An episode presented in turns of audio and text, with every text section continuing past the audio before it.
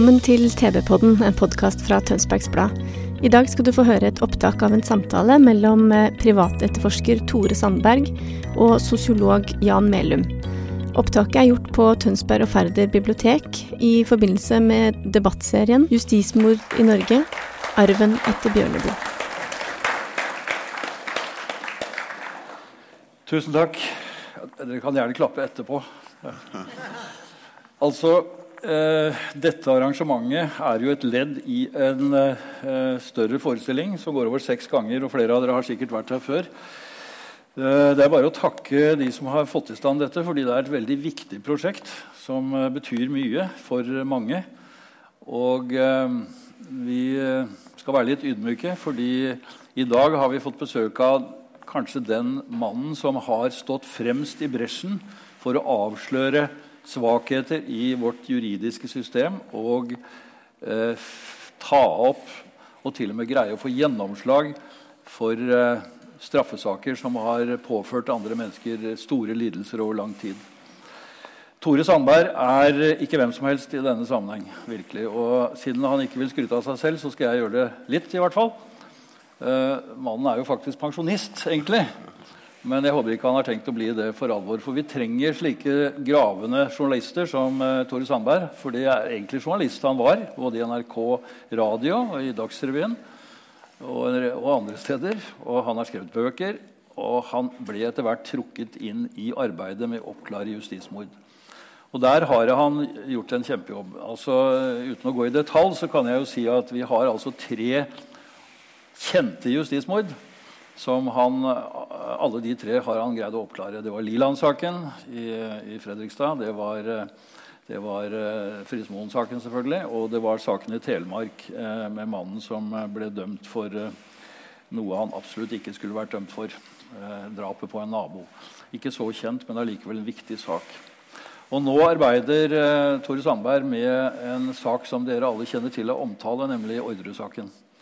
Og Vi er veldig spent på hva han har å fortelle her. og Jeg skal ikke bruke for mye tid til å snakke rundt det, men gå rett til saken. Men først har jeg tenkt å spørre Tore bare, Kan du si noe om hvorfor du begynte som privatetterforsker fra å være journalist? Hva var det egentlig som drev deg inn i disse justismordsakene? Ja, eh, jeg fikk eh, Tidlig i 1990 så kom det en bok i postkassa eh, hjemme på Kløfta. Eh, det var en eh, merkelig bok. Eh, det var om øksedrapene i Fredrikstad. Skrevet av Sten Ekeroth, en svenske som var ganske omstridt. Jeg leste den boka tvers igjennom og tenkte jeg skal bruke et par dager av mitt liv til å sjekke denne historien i hjel. Og så skal ingen vite at uh, jeg har vært inni det. Jeg ringte til Sten Ekeroth og sa at uh, hvis noe av det du har skrevet, stemmer, så kommer vi til å få mye med hverandre å gjøre, men jeg kommer til å sjekke deg opp stolper og ned vegger. Og da sa han det var som musikk i hans øron. Og det ble noe som forandra vårt uh, liv for alltid, faktisk. Ja, Det forandret livet til mange av de berørte også. Eh, for å si det sånn. For de som, eh, Siden vi snakker om musikk her, så var det jo slik at Sten Ekerod var uh, Pussycats manager. Han var, slett, ja. han var, slett, ikke noe annet enn egentlig musiker. Men han gjorde en fantastisk jobb. Og derfra så ble det mer og mer justismord på deg. Det, det ble det. Liland eh, Det ble drøyt tre år før han fikk sin eh, sak eh, gjennomtatt. Han var jo dømt til Ja, det er et livstidsfengsel den gangen. og han hadde det pluss ti års sikring. og dagen etter at sikringsdommen hans gikk ut, så gikk vi inn med en gjenopptakelsesbegjæring. Og den førte da til at i 1994 så uh, ble Per Liland frifunnet. Han fikk saken opp igjen, og, og, og det ble sagt frifinnelsesdom. Og det ble da utmålt det som den gangen var den største erstatnings- og oppreisningsutmålingen i Europa for såkalt uberettiget straffeforfølgelse. Han fikk til sammen drøyt 13,7 millioner kroner. Jeg tenkte eh, jeg kommer ikke til å oppleve noe i min karriere som kommer til å toppe det her. Eh, men jeg må faktisk innrømme at jeg tok feil der. Altså. Der tok du feil. Ja. Det bør vel også nevnes her at uh, Riktignok fikk Liland en stor erstatning, men Tore Sandberg brukte jo året av sitt liv både tidsmessig og økonomisk på å få denne saken på plass. Og Det første som skjedde, var selvfølgelig at skattemyndighetene løp etter han for å ta fra han det vesle han hadde fått utbetalt. Det ble også en sak, men uh, jeg tror det vant frem der òg, faktisk. Ja, eh, egentlig ikke. Så privathuset det lå liksom og vippa ute på konkurskanten og var i ferd med å, å rase utfor. Men eh, så fikk jeg Altså, telefonen sto jo ikke. Eh, jeg hadde jobbet med Liland-saken som frilansjournalist, og det, det sto jo nokså klart for uh, både vår lille familie og, og for banken at det er ikke sånn du organiserer uh, din videre virksomhet. Så det førte da til at jeg tok på meg den første betalte bistandsjobben. og siden har jeg Jeg aner ikke hvor mange henvendelser jeg har hatt, men kanskje 8000-10 000 henvendelser. Ja, altså, Det har vært mange, og det kommer sikkert flere. Nå er det jo slik at De sakene vi har referert til til nå, det er jo eh, vedtatte justismord. Altså Vi vet at det er justismord. Den saken som vi skal snakke om i dag, den er eh, jo ikke et justismord per definisjon i dag, fordi Eh, de fire personene i Orderud-saken er dømt, de har sonet. Og det er ikke foretatt noe gjenopptakelse enda, enda. Men det jobbes med saken. slik at vi må holde hodet litt kaldt her og være enige om at vi snakker nå om en sak som enda ikke er et justismord, men som kan bli det. Akkurat som visse andre saker som du har jobbet med. Og vi kan både snakke om hvorfor det blir sånn. Det vi, har vi snakket om før. Vi skal også si mer om det etter hvert. Men nå tror jeg vi skal begynne med Orderud-saken, som jo eh, iallfall i utgangspunktet er kjent av fleste, de fleste her, tror jeg. Kan du gi oss en liten, eh, liten sånn, eh, oppsummering av hva saken egentlig handler om, og hvordan de fire ble dømt? Ja. Eh, på formiddagen første pinsedag i 1999 så ble Kristian og Marie Orderud og deres datter Anne Orderud Paust funnet skutt og drept i den såkalte kårboligen på Orderud gård på, på Sørumsand eh, i Akershus, eh, tre-fire mil øst for, eh, for Oslo. Og jeg husker jeg satt hjemme i stua. Det var flere år før jeg kom inn i saken. Sånn sett.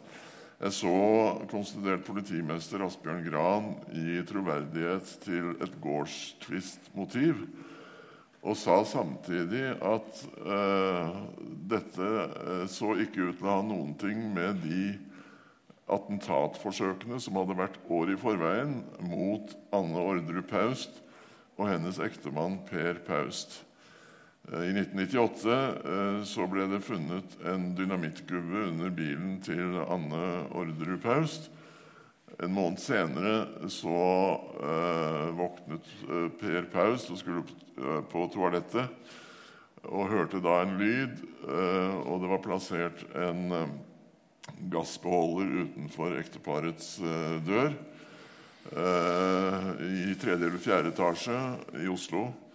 Ned trappen så var det helt bensin, og det var eh, bortover hele fortauet. Den var forsøkt påtent, men eh, denne bensinlunta den hadde ikke gått helt opp. Så eh, eksplosjonen eh, skjedde ikke. Men eh, eh, da jeg så politimester Asbjørn Gran gi troverdighet til gårdstvistmotiv, så sa jeg til de som satt sammen med, at dette går det jo faktisk ikke an å gjøre. Eh, nå, noen timer etter at likene er funnet, så kan dere i hvert fall ikke ha noe bevismessig dekning for å, å gi troverdighet til eh, en konflikt. Eh, det ble jo så det bærende elementet i, i hele saken fram til, eh, til domfellelse. En forsøkte å, eh, å, hekte disse attentatforsøkene på Per og Veronica Orderud, men det greide jo ikke politiet. Og da skjedde det noe ganske pussig. Da ble dette I og for seg så ble Kristin Kirkemo en av de fire domfelte for medvirkning, ble dømt i første rettsinstans for å ha uh, festet dynamittgubben under bilen til Anne Ordre Paust. Men det fremgår av dommen i lagmannsretten at påtalemyndigheten frafaller eh, disse attentatpostene.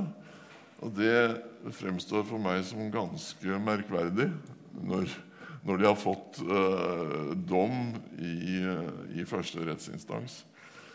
Eh, og ja, jeg skal ikke påstå noe, men, men uh, det er et spørsmål om ikke det altså Skulle Kristin Kirkemo dømmes i lagmannsretten, at hennes troverdighet i forhold til drapssaken kunne bli svekket. Eh, og det er jo ingen tvil om at det er Kristin Kirkemos og Lars Grønnerøst, de to andre dømte for medvirkning, det er deres forklaringer som er de bærende i forhold til i det hele tatt å kunne hekte Per og Veronica eh, på saken. Det var jo sånn at de to statsadvokatene som skulle aktorere Orderud-saken, de innstilte på overfor Riksadvokaten at saken for Per og Veronicas vedkommende skulle henlegges. Men i jula 2000 så gikk riksadvokat Tor Aksel Busch eh, og, og grunnet på hvordan skal vi håndtere dette. Han kom da til at de ikke tiltales for selve drapene, men at alle fire, altså Per og Veronica Orderud, Kristin Kirkemo og Lars Grønnerød, tiltales for medvirkning til overlagt drap. Ja. Vi kan vel si at det var en veldig uvanlig måte å fremme en, en, en innstilling på. Ja. Det var så uvanlig at det var mange som reagerte på det. Så vi vet at det var diskusjon internt i aktoratet om det var mulig. simpelthen altså, Men mulig var det jo. Men det er jo riktig å si at uh, de to attentatene på forhånd de er nå koblet ut av saken. på en måte, fordi ingen, de er, de, I lagmannsretten ble de jo ikke dømt for det. Og, og det er uoppklart, da, kan vi si det sånn? Det er, det er uoppklart, men uh, særdeles merkelig likevel. Ja. Fordi uh, det ligger opplysninger i saken uh, om at Lars Grønnere var den som ordnet dynamitten som ble brukt under bilen til Anne Orderud Paust. jeg sitter her med en skriftlig signert rapport Eh, fra Lars Grønnerød eh, om at eh, Kristin Kirkemo sittet i leiligheten hans og skjøtt sammen ledninger. Og da gassattentatforsøket skjedde, så fant politiet 55 meter med sammenskjøtt ledninger. Eh, det var en nabo som hadde sett faktisk at eh, før dynamitthistorien så var det lagt ut ledninger helt fram til der Anne Ordrup Haust pleide å parkere bilen sin. Eh, og så eh, fant jo dynamittgubben og da hadde denne naboen han hadde plukket opp en 30 eh, meter med, med kabel. Eh, og de siste 55 meterne de, eh, de samla han sammen og la bak en, en, sandkasse ved enden av veien. Og der fant politiet dette eh, etter gassattentatforsøket. Det ligger altså veldig mye informasjon eh, som en altså tilsynelatende ikke har gjort noe med. Nei, Det er fordi at den saken ble koblet bort fra drapssaken, egentlig, i praksis. Og eh, det som gjenstår i forhold til eh, denne tiltalen om eh, medvirkning til drap, den handler jo da i utgangspunktet om denne gårdskonflikten. Er det riktig å si det sånn? Altså fra, Ja. fra aktoratets side? Slik ble jo det uttrykt allerede altså noen timer etter at likene var funnet. Og eh, det er det en, eh, en da bygger eh, hele saken opp på.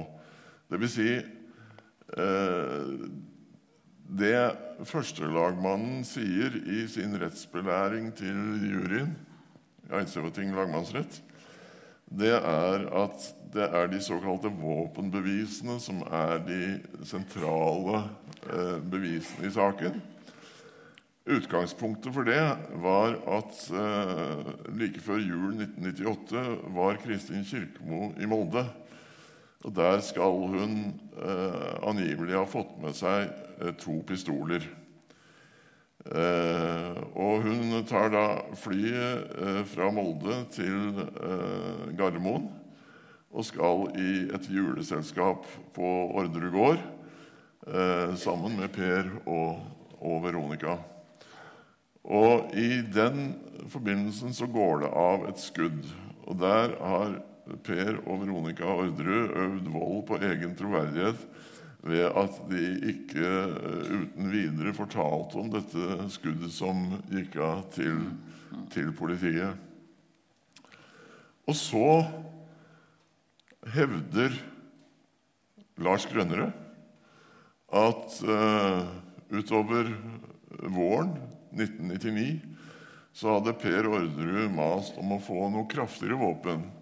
Disse to pistolene det skal ha vært eh, kaliber 22-pistoler av et amerikansk fabrikat, Ruger. Eh, mens eh, Lars Grønnerød hadde en revolver kaliber 38. Han har forklart at han en natt tidlig i april 1999 reiste opp til Orderud gård og leverte den revolveren til Per Orderud. Han hadde fått med seg en av de to pistolene som Kristin Kirkemo hadde hatt med seg fra Molde, hjem til sin leilighet i eh, Oslo. Og der, etter anvisning av Lars eh, Grønnerød, så finner politiet den pistolen. Og det er en av seks pistoler av merket Ruger som var stjålet fra en pistolklubb utenfor Molde sommeren 1998. Men så er det et forhold ved dette. Man legger til grunn at drapsvåpnene er en Ruger-pistol, altså en amerikansk Ruger-pistol eh, kaliber 22, og eh, Lars Grønnerøds revolver kaliber 38. Nå er det bare det at holder vi oss til Lars Grønnerøds og Kristin Kirkemos forklaringer om disse våpnene og sier at Per og Veronica, vi stoler ikke på hva dere sier.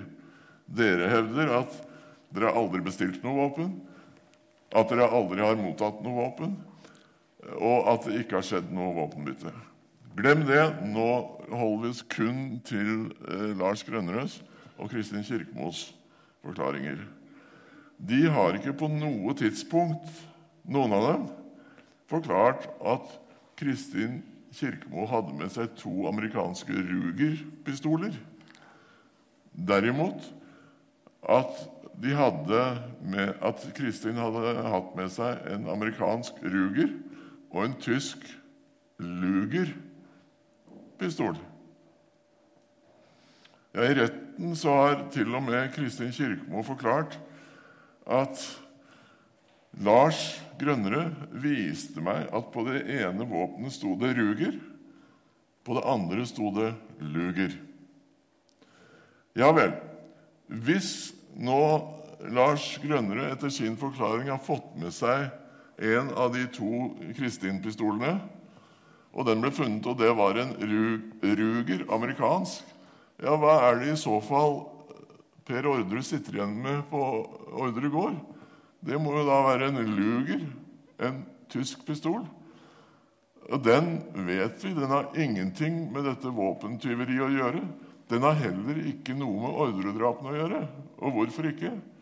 Jo, eh, slik Kripos sin våpenekspert har forklart for retten En Luger-pistol den avsetter andre merker på patronene og hylsene eh, enn det man fant i kårboligen. Så Luger er utelukket. Eh, det skulle nesten i seg selv være et slags frifinnende bevis for eh, Per og Veronica. Men noe annet som eh, var en del av dette våpenbeviselementet, det var at på avfyrte kaliber 22 tomhylser på åstedet så ble det funnet noen eh, ripemerker i hylsene. Disse merkene var ikke kommet der etter avfyring. Men det var merker som eh, ja, For de av dere som har eh, sett og brukt pistolmagasiner Når du skal lade magasinet, så kan du enten dra i ei fjær og slippe kuler inn i magasinet uten at det avsetter merker i det hele tatt. Hvis jeg ikke drar i fjæra, men presser kula inn, så passerer den noen metalldeler. Og de metalldelene de avsetter rypemerker på uh, hylsekraven.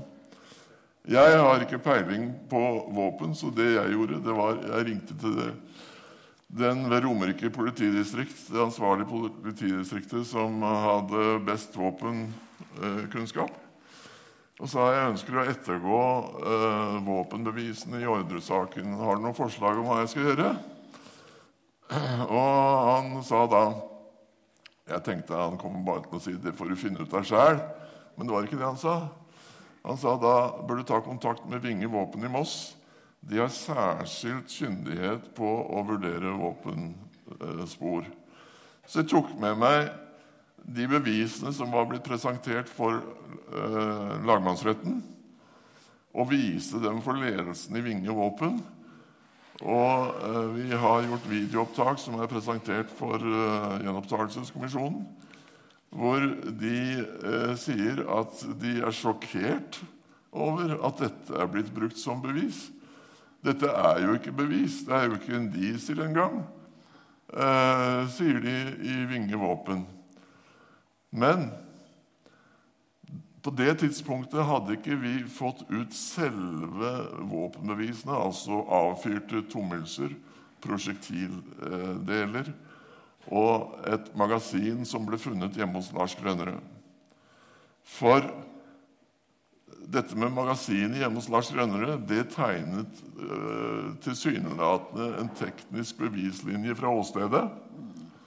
Disse ripemerkene Kripos sin våpenekspert forteller eh, lagmannsretten at dette viser at de kulene som har vært benyttet på åstedet, de har vært ladet i det grønnere magasinet. Og det var disse ripemerkene som skulle bevise det.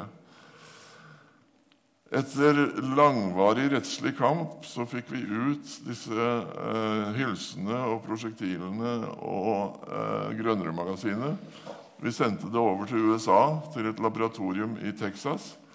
Og Der eh, kom det også da en eh, rapport som konkluderte med at de bevisene som Orderud-saken i realiteten, altså de tekniske bevisene som Orderud-saken i realiteten henger på, de holder ikke. Det går ikke an å konkludere med at det er en teknisk bevislinje fra åstedet til dette grønnere magasinet. Ja, Dette er jo et veldig viktig poeng. Altså, jeg skjønner jo eh, at eh, dere som sitter her, sikkert ikke kan følge med i alle detaljene her, for dette er nokså komplisert. og jeg tenkte bare jeg skulle gi en liten tilleggsinformasjon her. Altså, det første som man vil jo lure på, er hvordan har det seg med disse våpenhandlene og det overleveringer, og hvem er det som har gjort hva her? Altså Kristin og, og Lars de har altså hatt en eh, relasjon, et kjærlighetsforhold. Og vi må vel også kunne si at Kristin var jo på en måte hadde forbindelser med miljøer som man helst ikke skal rote for mye med, altså tunge kriminelle miljøer. Uh, at hun har vært og skaffet noe våpen, det virker jo sånn. Men hvem har hun skaffet det til? Det er det vi ikke vet. Har hun skaffet dem til Per og Veronica på deres oppfordring? Vel, det sier hun. Det sier også Lars Grunnerød. I hvert fall sa han det i rettssaken. Men om det er korrekt, det vet vi altså ikke. Men det som er viktig, er at vi ikke eh, Sånn som saken står nå, så eh, ut fra eh, Tores studier her og de ekspertene som har uttalt seg her, så kan det ikke påvises at de våpnene som, som disse to, dette paret har greid å skaffe til veie og som sånn sett er litt forvirrende, for det er Luger og, og, og en, en, annen type kan, de kan ikke heftes til selve drapene. Og det er jo det, det viktige poenget her. ikke sant? I tillegg jeg sitter her med to dokumenter. De er begge signert av Lars Grønnerød. Det ene er en rapport fra 2004. Og det andre er en vitneforklaring som jeg tok opp med han i 2015. I den rapporten fra 2004 så fremgår det i en rapport som Lars Grønnere selv har signert, at det skjedde ikke noe våpenbytte. Det var Kristin Kirkemo som spurte meg om jeg kunne forklare meg sånn, står det i denne rapporten som, eh, som Lars Grønnere har eh, signert. Dette var etter at dommen var falt, merket dere det? Slik ja. at han forklarte noe annet i, i de to rettssakene. Ja. Eh, og dermed så, etter min oppfatning Våpenbevisene har falt fullstendig sammen. Eh, og, etter, eh, etter altså førstelagmannens jurybelæring, rettsbelæring for juryen, så er dette de aller viktigste bevisene i hele Orderud-sak.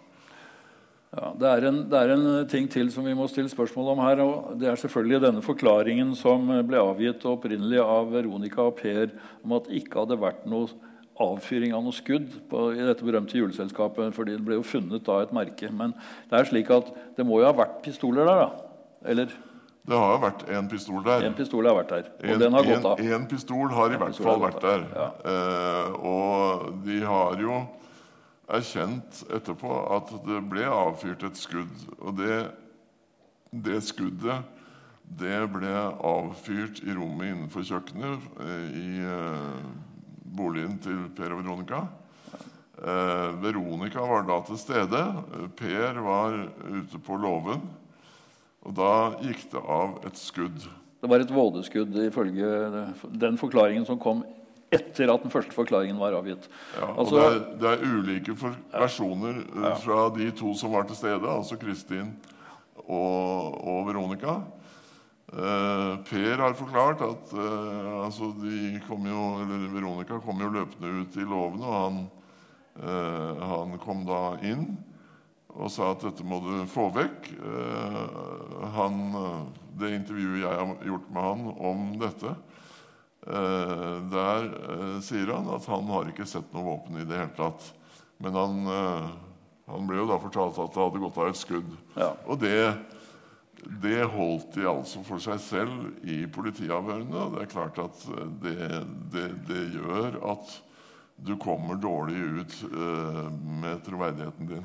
Ja, Det er et viktig poeng her selvfølgelig at vi kan fastslå at noen må ha tatt med seg et våpen inn til dette juleselskapet. Etter alt å dømme Kristin eller kanskje Lars Grønnerud. Det vet vi jo ikke. Antagelig Kristin. Eh, men om dette våpenet bare var med i en veske der, eh, av en eller annen grunn, eller om det skulle brukes til noe eller overleveres til noe i forbindelse med et planlagt drap, det vet man altså ikke. Jeg, jeg, tror vi må legge til grunn at, at uh, Kristin hadde det våpenet, for det har også Veronica forklart. Uh, ja, det var hun som hadde det etter alt å dømme. Så, så uh, det, det, tror jeg vi må legge til grunn. At, at, Men hvorfor tok hun med seg det våpenet til juleselskapet? Det kan man jo lure på. Hva det er et annet spørsmål som jeg tror jeg ikke vil spekulere veldig langt i. men men i hvert fall så er det eh, sånn at den gjennomgangen jeg har gjort av disse forskjellige elementene i våpenbevissaken, eh, der mener jeg at jeg har tilbakevist absolutt hele det grunnlaget som, som dommen bygger på. Mm. Men så har det jo kommet til ekstremt mye i, uh, i tillegg. Det er akkurat det. Det er jo slik at eh, det er viktig når man ser på slike bevisforløp her, så det kan selvfølgelig virke litt merkelig at en person som Kristin da har med seg et våpen til dette juleselskapet, men det er ikke noe bevis for at noen har planlagt å bruke det våpenet til å ta livet av en familie etterpå. Eh, det kunne ha vært sånn, men det er ikke noe som helst bevis. Og særlig når forholdet, altså koblingen mellom det våpenet, eh, eventuelt de andre våpnene, for det er flere våpen her, ikke kan kobles opp mot selve drapssaken, så er det fortsatt ikke et bevis. Det må vi kunne si da, med det du vet i dag. Det er det du hevder, ikke sant? Ja, ja. Eh, hvis denne eh, kunnskapen hadde vært til stede under rettssaken, tror du de fire ville blitt dømt da? Altså, uh, Dette med Ruger og Luger det var fremme under rettssaken. Det, det, det, var til og med eksaminasjon om det. og og førstelagmannen uh, i sin rettsbelæring til, til, juryen så roter han jo noe fryktelig. Han, uh, han sier i rettsbelæringen at påtalemyndigheten mener å ha ført bevis for at Kristin hadde med seg to Luger-pistoler ja. til, til, Molde. Så, så, her har altså uh, jeg, jeg, mener det var rene kaoset rundt, rundt dette. Luger og Ruger, var det for vanskelig? Ja. Men det ble kaos. Det er riktig, det. Uh, altså, det er jo vanskelig å si om det ville falt noe dom eh, hvis, hvis de, den kunnskapen som du har nå, ville vært til stede. Men ut fra lagmannens egen eh, begjæring så ville det vel antagelig ikke det. fordi han eh, sa jo veldig tydelig at det var det som var det bærende beviset. Etter mine begreper så, så er hele, hele det våpentekniske grunnlaget som lagmannen har betegnet som sakens viktigste bevis, mm. det, det, har falt helt eh, sammen. Uh, men fortsatt er det jo slik at man må jo spekulere på uh, de som dømte de fire, og da inkludert de to som du eh, jobber for nå. Kristin og, og, Nei, ikke Kristin, men Veronica og Per. man må jo nesten tro at de må ha et motiv de tar livet av tre personer. En av dem eh, er jo i nær familie med alle sammen. Tar man livet av tre personer, eh, sin egen mor og far og, og søster uten å eh, hva, hva, skulle motivet være? Ja, ja og, og, det er jo en annen fullstendig uh, særegenhet og, og, jeg vet ikke hva, hvordan jeg skal be, beskrive det. det uh, dette uh, gårdskonfliktelementet Eh, det, eh, det, var jo oppe. Og eh, etter hvert så har Per Orderud erkjent at han undertegnet falsk farens signatur på en, en kjøpekontrakt. Men det var i realiteten tre kjøpekontrakter. Okay. Eh, og politiet Per trodde at han hadde, hadde makulert de to første. Men, eh, men politiet uh, fant jo den, den ene. Og det er ikke dokumentert at det er noe uriktig signatur på, på den. Den var på et lavere beløp enn en den som saken bygger på. Eh, men, eh, men altså dette eh, Denne konflikten Det ble jo ført forliksforhandlinger mellom eh, Christian Orderus, eh, altså foreldrenes eh, eiendomsadvokat, og Per Orderus eiendomsadvokat. Og eh, fredag før pinse så er den siste eh, forlikstelefonsamtalen mellom de to advokatene. Og, og, Pers advokat han ringer etter den samtalen til Per Orderud og sier at vi er enige om sånn og sånn. Og eh, advokaten forteller da til lagmannsretten at da sa Per Orderud da går vi for det. Mm. Eh, altså eh, Tvisten var løst. Før drapet. Før drapet. Handlet... Fre, fredag. På, lø, på, lørdag så reiser Per og Veronica Orderud til en hundeutstilling på Nesbyen. Og eh, da skal faktisk altså drapene ha skjedd noen timer før de, de drar.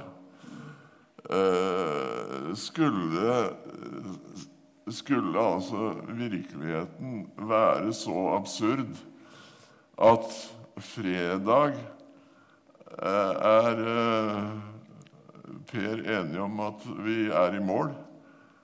Og det advokaten hans skisserer for han sier da går vi for det. Og så, og så glemmer jeg å tilbakekalle en eller annen torpedo som skal gjennomføre drap eh, eh, noen timer seinere. Og så drar Per og Veronica opp dit. Nei, det er, det er en helt annen eh, motivhistorie eh, som har fremkommet eh, gjennom et antall eh, vitneforklaringer som eh, Det er vitner som har kommet til meg, delvis til Per eh, og delvis til meg, eh, helt uavhengig av hverandre, og fortalt en, en fortalt historier som Eh, går i samme retning, omhandler samme motivbilde. Den ene er i realiteten en eh, tidligere fengselsbetjent på Ullersmo eh, som satt på mitt kontor i mars i fjor og fortalte følgende Orderud-saken gikk for Eidsivating lagmannsrett i 2002. Eh, per Orderud var da plassert på Ullersmo på Kløfta, og politiet hentet han hver dag og kjørte han fra Ullersmo til Åråsen stadion på Lillestrøm, hvor uh, rettssaken gikk. Der er det da en kosovo-albaner uh, som sitter eh, fengslet. Han ser at politiet henter eh, Per og forteller til denne fengselsbetjenten at 'jeg vet hva som har skjedd i kårboligen'. Per og Veronica eh, visste ingenting om det som skjedde. Det var, så kommer det et navn, og jugoslaven som utførte drapene. Og så kommer fengselsbetjenten med en opplysning som fikk hårene til å reise seg på mitt hode. Kosovo-albaneren hadde sagt Hvorfor tror du jugoslaven ble henrettet 14 dager før Orderud-saken begynte i lagmannsretten? Nå har jeg et titalls kilder på at en eks-jugoslav ved navn Davor Smailagic skal ha vært i kårboligen og utført drapene.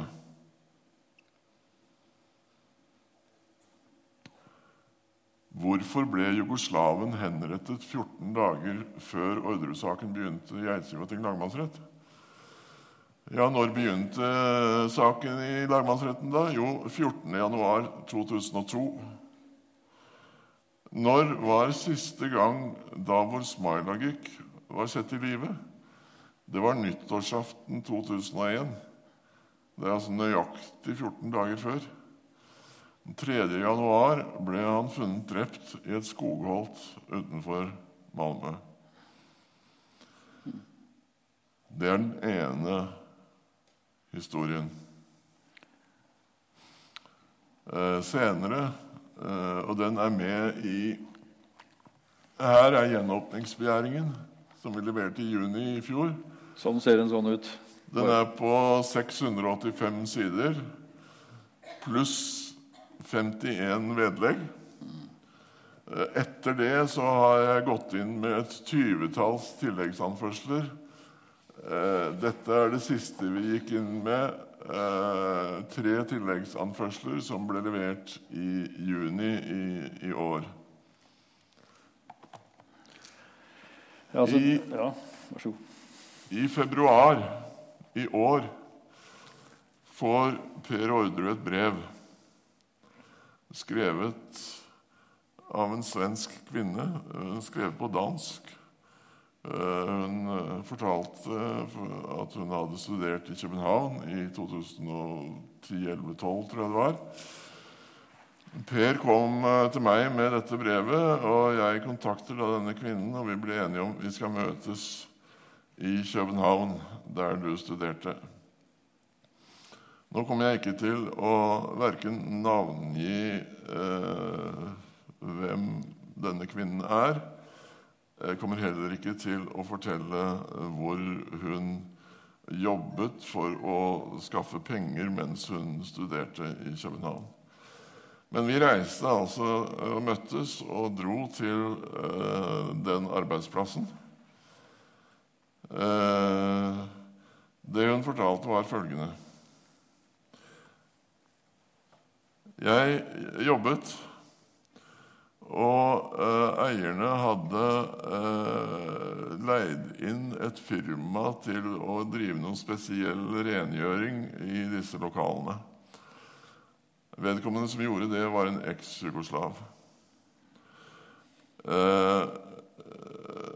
Han var litt altså Jeg lurte på hvor, hvorfor kom dere i prat, og hvorfor kom praten inn på det du forklarer deg om?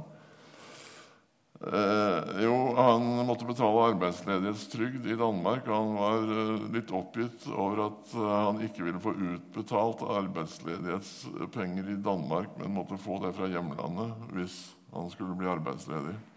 Så Sånn hadde de kommet i prat. Og ved en anledning, dette har hun ført dagbok på,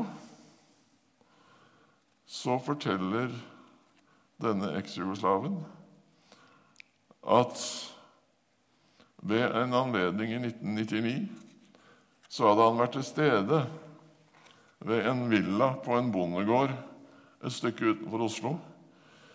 Eh, og ved denne anledningen ble tre mennesker drept inne i denne villaen.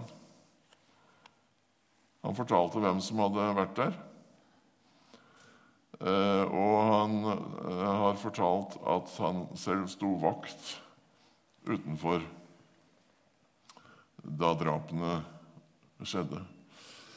Eh, jeg vurderte om jeg skulle gå inn til arbeidsgiveren og konfrontere arbeidsgiveren med de opplysningene jeg satt med. Men eh, etter å ha konferert med en politikjenning jeg har i Norge, ble vi enige om at det er kanskje mest riktig at det er den norske gjenopptakelseskommisjonen som eh, tar den kontakten med arbeidsgiveren for å få identifisert vedkommende eks-jugoslav. For vi vet jo ikke om disse folkene opererer med korrekt navn.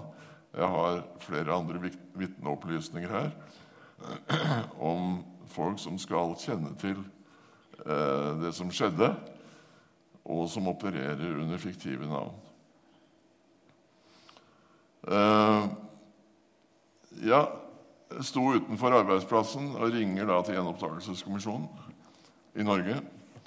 Og ber om å få snakke med kommisjonens leder. Uh, får beskjed om at hun sitter i møte.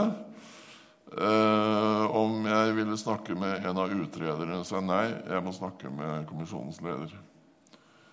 Eh, ja, hun satt i møte. Hun sender meg en SMS at hun kommer til å sitte i møte til eh, klokka 18. Eh, vi gjør ferdig opptakene med vitnet mitt i København og tar inn på et møterom på et hotell hvor jeg tar opp en skriftlig vitneforklaring fra dette vitnet. Og klokka 18 ringer kommisjonens leder Siv Hallgren og stilte da et spørsmål om uh, hvorfor hadde ikke dette vitnet altså jeg, jeg, ga henne uh, røftlig hovedelementene i historien. Uh, og hun spør da hvorfor, hvorfor kontrollerte ikke uh, ditt vitne dette den gangen? Og jeg sier til Siv Hallgren ja, du kan få snakke med henne her og nå. For jeg sitter jo sammen med henne.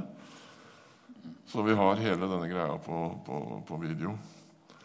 Uh, det som bekymrer meg, ja, ikke bare litt, men bekymrer meg ganske mye, det er at for noen dager siden så kontaktet jeg dette vitnet som jeg møtte i København. 26. februar. Hun har ennå ikke hørt noe fra Den norske gjenopptakelseskommisjonen sju måneder senere.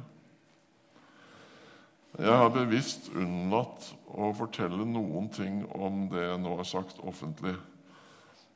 Grunnen til at jeg har holdt helt tett om dette, det er nettopp at Gjenopptakelseskommisjonen skulle få arbeide i ro og fred eh, for å innhente informasjon. Sju måneder syns jeg må være mer enn nok. Også fordi jeg har enda et vitne som jeg første gang fikk kontakt med i november i fjor.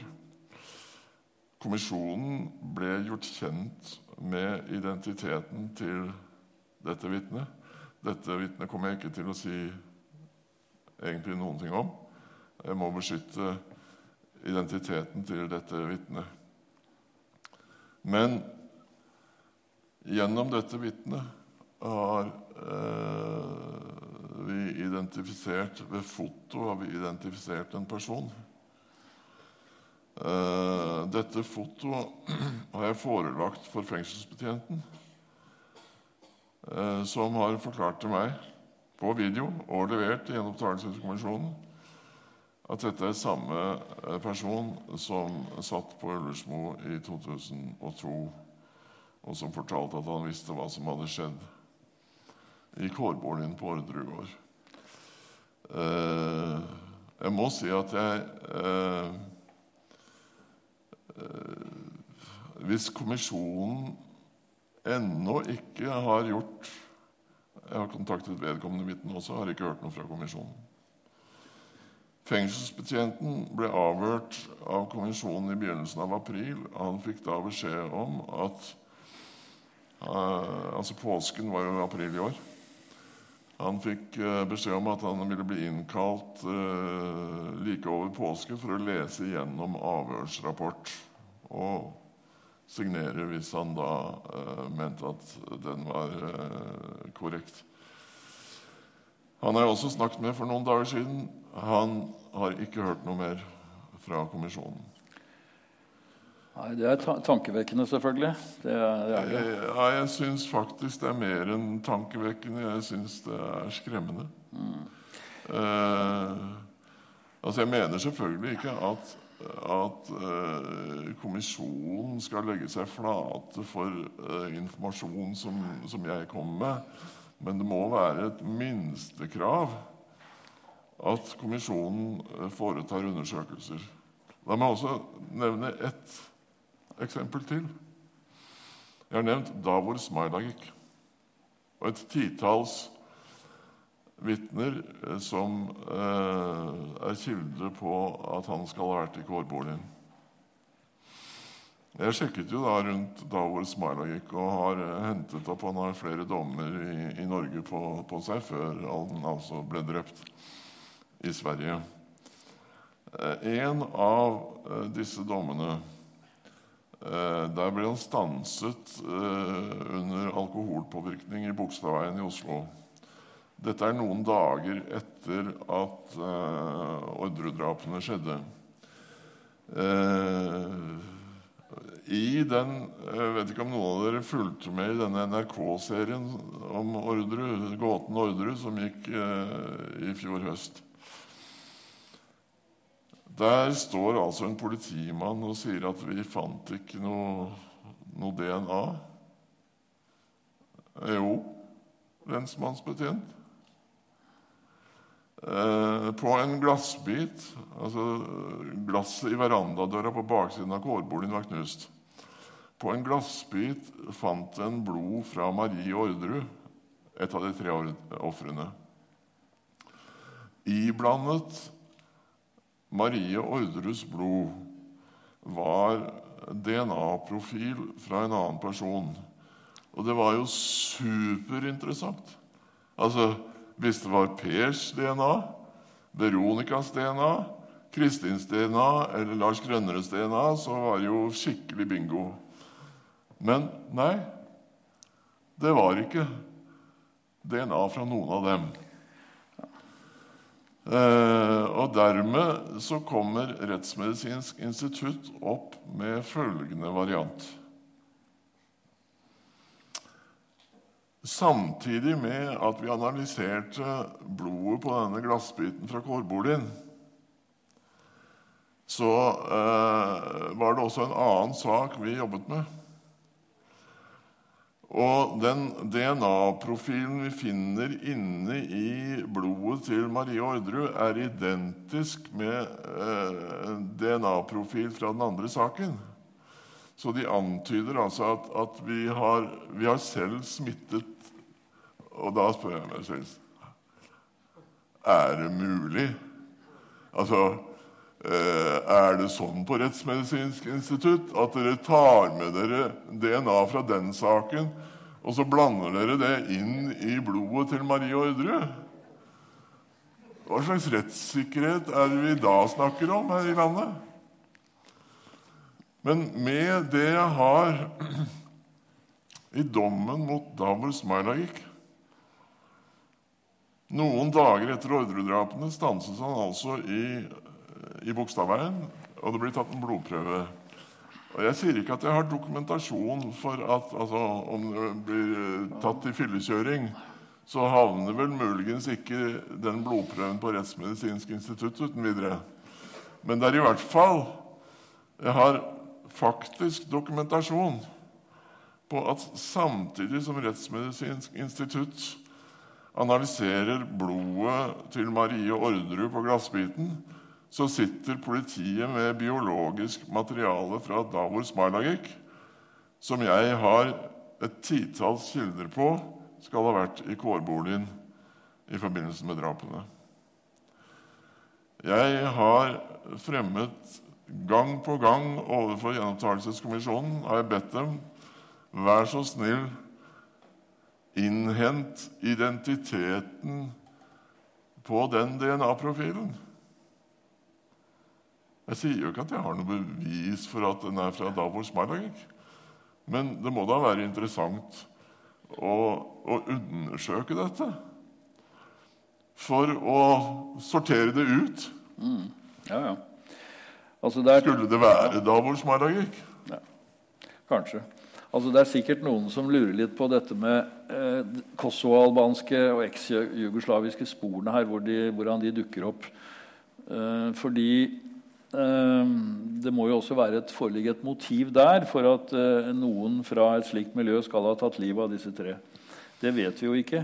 Men eh, det som er viktig å merke seg, er at Kristin Kirkemo hadde en sterk forbindelse til et slikt miljø. Hun altså da, hadde barn med en mann fra dette miljøet. Eh, og det her handler om veldig tunge kriminelle miljøer som hun da pleiet også før, rett før rettssaken. slik at det er, en, det er en kobling, en mulig kobling mot det kosovalbanske miljøet, selv om ikke vi vet i dag eh, hvorfor de skulle være leid inn for å ta livet av disse tre.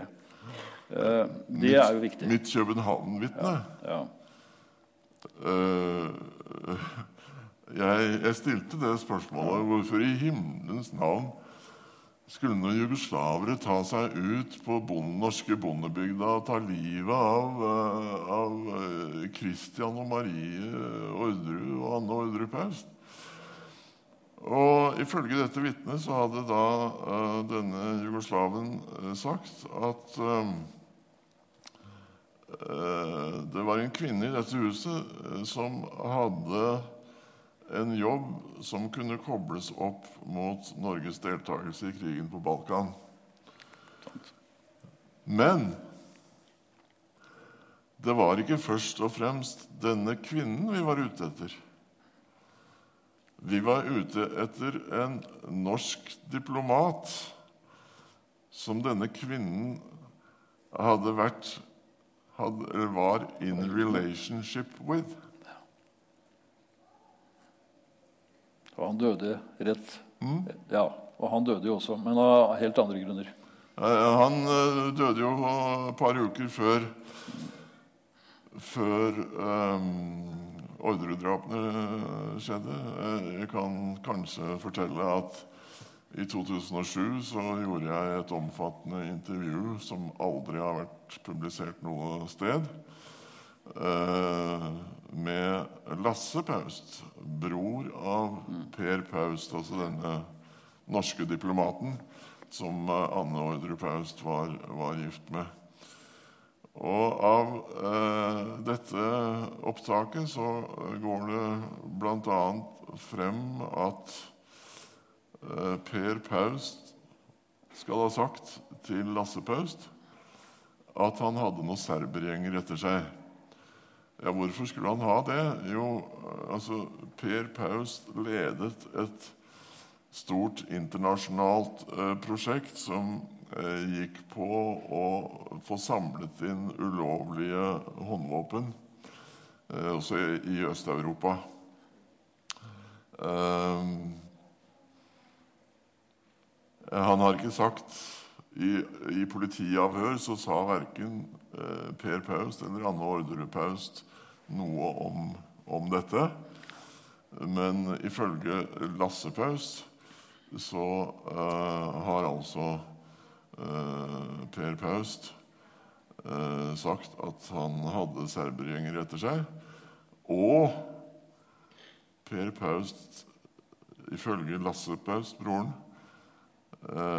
sa at han mente at han var forgiftet. Ja, det, altså det vi ser her, er jo en viss åpning for at det er en kobling fra et slikt miljø til eh, familien som ble drept. Altså, nå er det jo slik, dessverre, eller det er jo nokså uforståelig, men det er faktisk slik at når man kommer opp i en sak som du sitter og arbeider med nå, så er det ikke bare det at eh, den etterforskeren, som i dette tilfellet her, Tore Sandberg, skal forsøke å gå gjennom bevisbyrden og se på om bevisene holder til, eh, til pådømming. Men man bør helst uh, finne ut hvem som faktisk gjorde det. Hvilket jo er helt feil, altså, men, men, det er faktisk nødvendig. fordi så lenge man ikke har noen andre å skylde på, på en måte, så, så blir, det, blir, det, heftet eh, ved den som da er, allerede er dømt, dessverre. Det er jo ikke din jobb å finne frem til hvem som faktisk gjorde det, men eh, i slike saker så er det nesten nødvendig. Det har alle erfaring vist tidligere. at man må komme frem med noe. Jeg understreker jo også i eh, gjenåpningsbegjæringen at altså, det er ikke min oppgave å, å finne noen gjerningsmann. Men Eh, det som er det helt avgjørende elementet, det er Ville resultatet av dommen i 2002 ha vært den samme om denne lagmannsretten hadde vært kjent med alle disse eh, elementene som foreligger i dag? Og Det er det som er gjenopptakelseskommisjonens oppgave å, å vurdere. Eh, kan de være trygge på at ja, ja, Per og Veronica de eh, ville ha blitt dømt uansett. Eh, uansett hva Tore måtte ha lagt frem av eh, bevis, så, uh, så kan ikke vi anbefale saken gjenåpnet. Det har de mandat til å, å gjøre. Men jeg vil si hvis, hvis kommisjonen med det materialet som nå foreligger virkelig mener at det ikke er grunnlag for å gjenåpne saken for Per og Veronica Orderud, da greier ikke jeg å se hensikten med en gjennomtakelseskommisjon. Nei. Um, vi får se. Nå er det en ting til som du ikke har vært inne på nå, som jeg merket meg i materialet ditt. og Det er at det er jo faktisk uh, uklart hvordan de som drepte de tre, kom seg inn i huset. Fordi der er det forskjellige uh, Det er en teori fra politiets side, men den uh, virker nokså tynn når vi ser på det materialet du har skaffet til veie. Det bør du kanskje si noe om, for det, det antyder jo at de kan ha kommet utenfra. Ja. At, altså at det ikke er uh, Orderud-familien selv som har gjort dette, men noen som kommer utenfra. Ja, altså alle, alle har jo lagt til grunn som helt opplagt fra første stund at gjerningspersoner har tatt seg inn i kårboligen ved å knuse glass i en verandadør på baksiden av kårboligen. Eh, og, og, sånn var det jeg må nesten si helt til jeg kom inn i, i saken. Eh, jeg har nå hatt eh, glassfaglig ekspertise til å vurdere bruddflatene i eh, det knuste glasset fra, eh, fra verandadøra. Og deres konklusjon er klar at glasset må være knust ikke utenfra, men innenfra.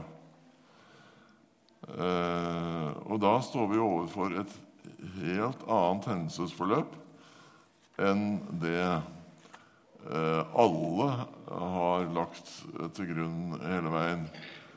Eh, det er et antall beviselementer som etter min oppfatning underbygger dette. Hvis de skulle ha tatt seg inn eh, utenfra så er altså hele den verandaen den er omkranset av skogbunn med mose. Og det var eh, litt regnvær den, den kvelden. Eh, politiet har ikke dokumentert ett eneste fottøyavtrykk på den verandaen. Eh, hvorfor er det ikke fottøyavtrykk Eh, på vei over verandaen og inn i, uh, i kårboligen. Uh, på den andre siden av huset, ved, ved inngangsdøra, der er det singel.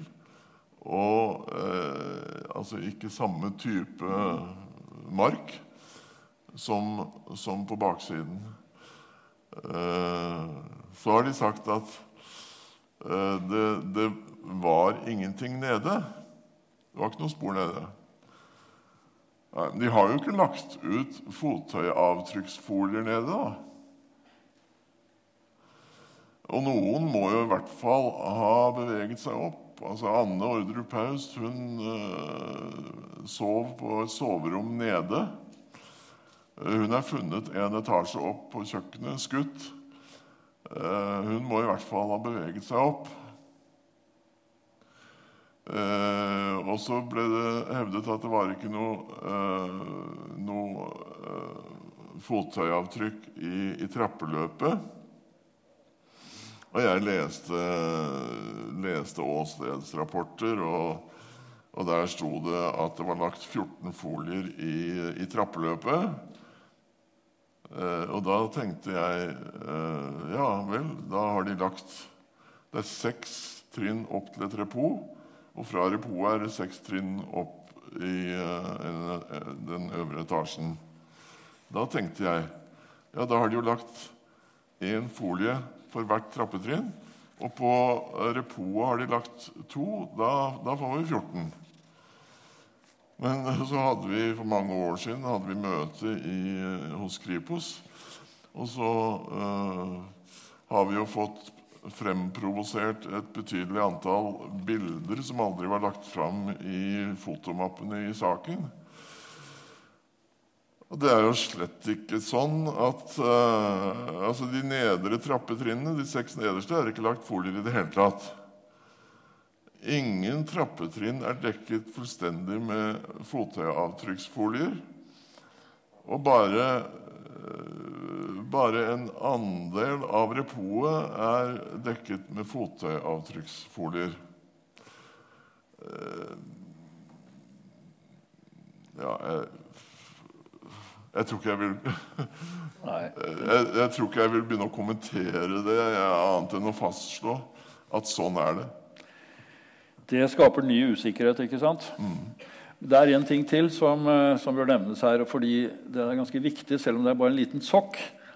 Men denne lille sokken, som dere sikkert har registrert, de som har fulgt med litt her, og sett bilde av en sokk, eh, den kan også faktisk eh, henføres, muligens, til det samme miljøet som du har antydet. Og det, du må kanskje si litt om det, for det er ny, veldig interessant og ny informasjon. Ja, uh, i uh, Jeg tror det var i november òg, faktisk. Så uh, ringte det en eldre kar til meg og, og sa at det var jeg som eide den sokken. Mm. ja vel. og vi møttes jo, og jeg gjorde videoopptak med han og, og, og tok opp forklaring. og han han forklarte da at det var bestemoren hans som hadde, hadde øh, strikka denne sokken. Uh, men uh, den passa ikke han, for foten hans var for stor for denne sokken, så han, han hadde gitt den bort til uh, broren sin. Og da, da han så bilde av, av, sokken i, i, avisen, så hadde han konfrontert broren. Så sa han hva er det du har drevet med? Har du, har du vært bak kårbordet på Orderud gård? Nei, eh, han hadde han hadde gitt den videre til en person som er omtalt i denne saken. Ja. Eh, og Eh, som hadde sagt at eh, de skulle ha noe oppdrag hvor de skulle trekke noen sokk ute på noen sko. Hmm. Dette ligger også hos Gjenopptakelseskommisjonen.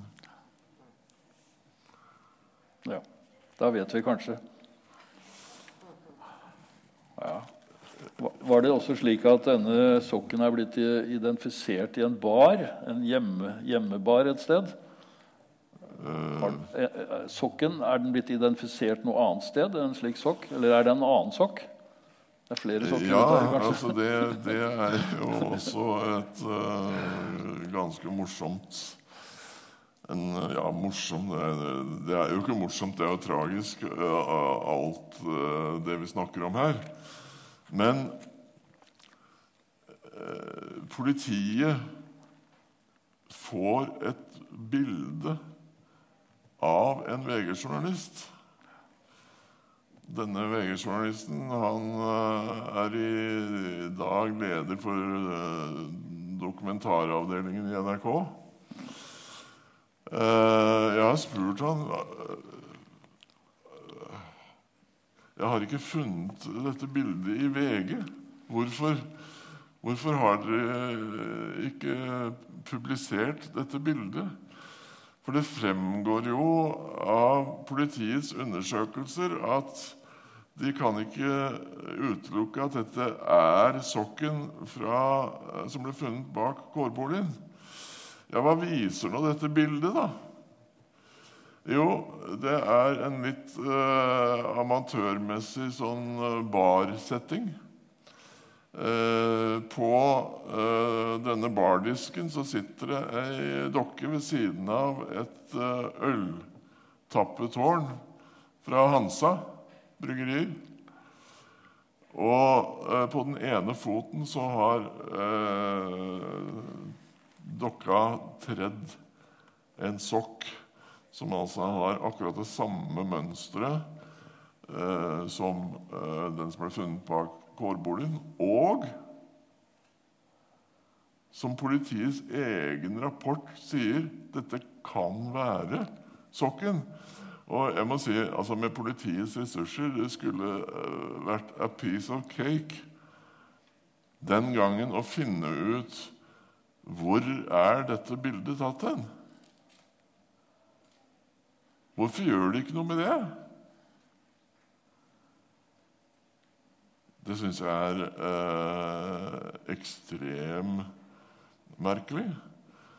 Så eh, hadde vi vi leverte altså denne begjæringen da, i juni i fjor. Eh, noen dager senere hadde vi pressekonferanse i Låven på Ordre gård.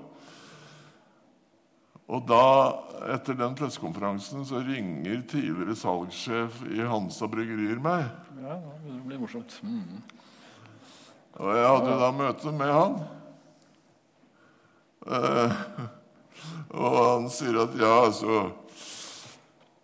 vi, eh, vi, hadde jo kontakt med hele Altså alt som eh, kunne krype og gå i, uh, i utelivet i Oslo. Så, så vi, uh, vi, leverte jo til disse jugoslaviske utestedene i, i Oslo. og det, det hendte, Men han trodde ikke at dette det virket for amatørmessig dette barmiljøet eh, på bildet til at det skulle være en av disse faste klubbene.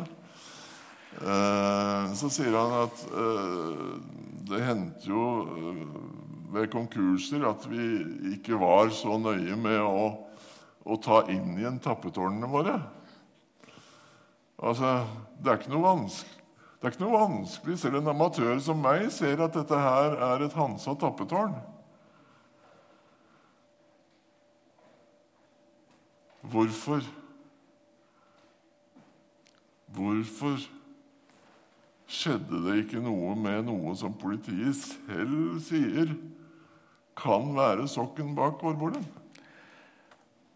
Ja, for dette var jo et miljø, altså et restaurantmiljø i Oslo hvor uh, denne, denne uh, Hansa-mannen ja. han sa jo selv at uh, i dette miljøet var det mye eh, snusk og rusk og det som verre var. Det, det er velkjent også, for så vidt. Altså. slik at Man kan godt se at det er, også her er en slags forbindelse, mulig forbindelse mot eh, miljøer som du tidligere har påpekt.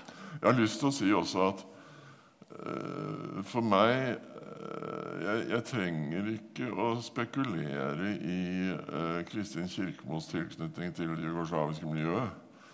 Dette har hun selv beskrevet i eh, en bok som hun ga ut noen måneder etter dommen i, i lagmannsretten i 2002. Eh, og hun omtaler jo der sønnen sin, som eh, var født eh, i vinteren 95. Eh, og faren eh, var da altså narkotikakurer for den jugoslaviske mafiaen i Oslo. Og hun beskriver at eh, Jon, som han heter eh, han, eh, han, skulle på en forretningsreise på kontinentet. Og hun satt og venta på telefon, men det var ikke Jon som ringte. Det var fra narkotikaavsnittet ved Oslo politikammer eh, som hadde pågrepet eh, Jon med 10 kilo amfetamin. Og eh, Kristin ble bedt om å komme ned eh, til politiet. Og hun beskriver selv at eh, ikke lenge etterpå kommer eh, den jugoslaviske mafiabossen selv på døra til henne med penger. Eh, som en erkjentlighet for at Jon ikke har avdekket bakmennene eh, for denne eh, narkotikatransporten. Og dette var noe som skulle følge generasjoner, står det i Kristin Kirkemos egen bok. Og Sønnen var jo så liten, så han var jo ikke døpt ennå. Eh, hva var det som skjedde ved den dåpen? Jo, det var mafiabossen som ifølge boka betalte hele gildet og er eh, fadder for mm. sønnen hennes. Altså Det som er viktig med denne saken, er i og for seg ikke å påvise noe som helst, men å vise til at det er i alle fall teoretisk mulig at det fins koblinger her som ikke er helt uforståelige. Eh, og Det er viktig for, eh, for, for, saken for disse to som du eh, arbeider for, fordi det betyr at det er mulig at det fins andre løsninger. Eh, I slike saker som vi nå snakker om, og, vi, og, det er mange andre saker Vi skal snakke om uh, Fritz Moen-saken neste gang. Så ser vi jo at politiet uh, på et vis utvikler et veldig tett tunnelsyn, hvor de, hvor de bare ser på én løsning og glemmer de andre mulighetene. Og, og, Det skal jo ikke være slik at privatetterforskere må oppklare drap, men, men, mange ganger så blir det nesten nødvendig. Simpelthen. altså. Eh, nå har vi brukt eh, tiden som vi sa vi skulle bruke. Og jeg vet jo at vi kunne sitte her lenge og snakket mye. Og du har mye mer på hjertet, det vet jeg godt, men, eh, men dere får følge med fremover. For nå, nå ligger gjenopptakelsesbegjæringen her.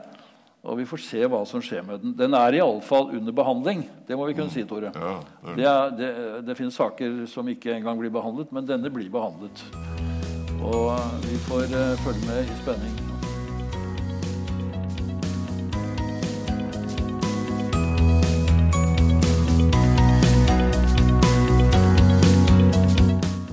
Du har hørt en podkast fra Tønsbergs Blad. Den episoden er laget av meg, Marie Olavsen. Vår ansvarlige redaktør er Sigmund Kydland, og musikken er laget av Scott Holmes. Vil du høre mer fra oss, så søk opp Tønsbergs Blad i podkast-appen din. Vi høres. Hei så lenge.